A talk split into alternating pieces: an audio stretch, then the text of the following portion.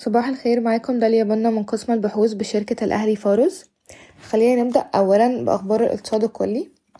توافقت الحكومة مع ممثلي سوق المال والبرلمان على التعديلات المقترحة لقانون الضريبة على الأرباح الرأسمالية التي تضمنت الملفات الضريبية والتكاليف المعتمدة والتكاليف الإلزامية والتكاليف الإضافة للأشخاص الطبيعيين بالإضافة إلى الطروحات الأولية. والطرح الأولي لزيادة رأس المال. تضمنت أيضا المعاملات الضريبية لصناديق الاستثمار وتوزيعات الأرباح. أرسل, أرسل أكثر من 100 مستثمر وشركة عاملة في مجال الطاقة الشمسية مذكرة إلى الدكتور محمد شاكر وزير الكهرباء والطاقة المتجددة يطالبون فيها بإلغاء الجمارك على ألواح الطاقة الشمسية التي تم إصدار قرار في ديسمبر الماضي بفرضها بواقع 5% بعدما كانت معفاة تماما على مدار السنوات الماضية.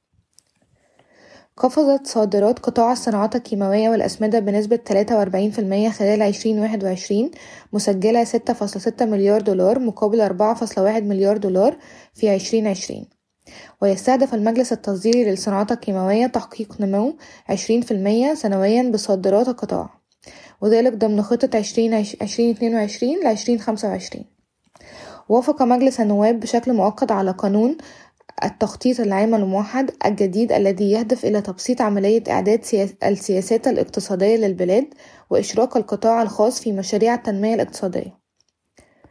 أعلن وزير المالية سداد 420 مليار جنيه للهيئة القومية للتأمينات الاجتماعية خلال 30 شهر منذ توقيع اتفاق فض التشابكات مع وزارة التضامن الاجتماعي لسداد مستحقات صناديق التأمينات المتراكمة عبر 50 عامًا.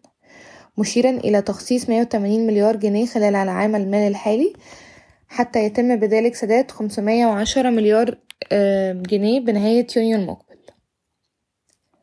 أما بالنسبة لأخبار الشركات أعلنت أبيكو حصولها على موافقة هيئة الدواء المصرية لبدء إنتاج الدواء المستخدم لعلاج كوفيد 19 بعد الحصول على ترخيص طارئ لتصنيعه في مصر. على أن يبدأ الإنتاج الدواء قبل منتصف يناير 2022 وسيكون التصنيع تحت إشراف هيئة الدواء المصرية ومن المتوقع أن يكون متاح في السوق المحلي مع بداية مارس 2022 من المقرر أن توقع شركة الصناعات الكيماوية المصرية كيما مع مجموعة Air Supply في 11 يناير الجاري اتفاقية توريد الغاز لشراء وإنشاء وإدارة وتشغيل مصانع لإنتاج الغازات الصناعية والطبية لكيما بأسوان.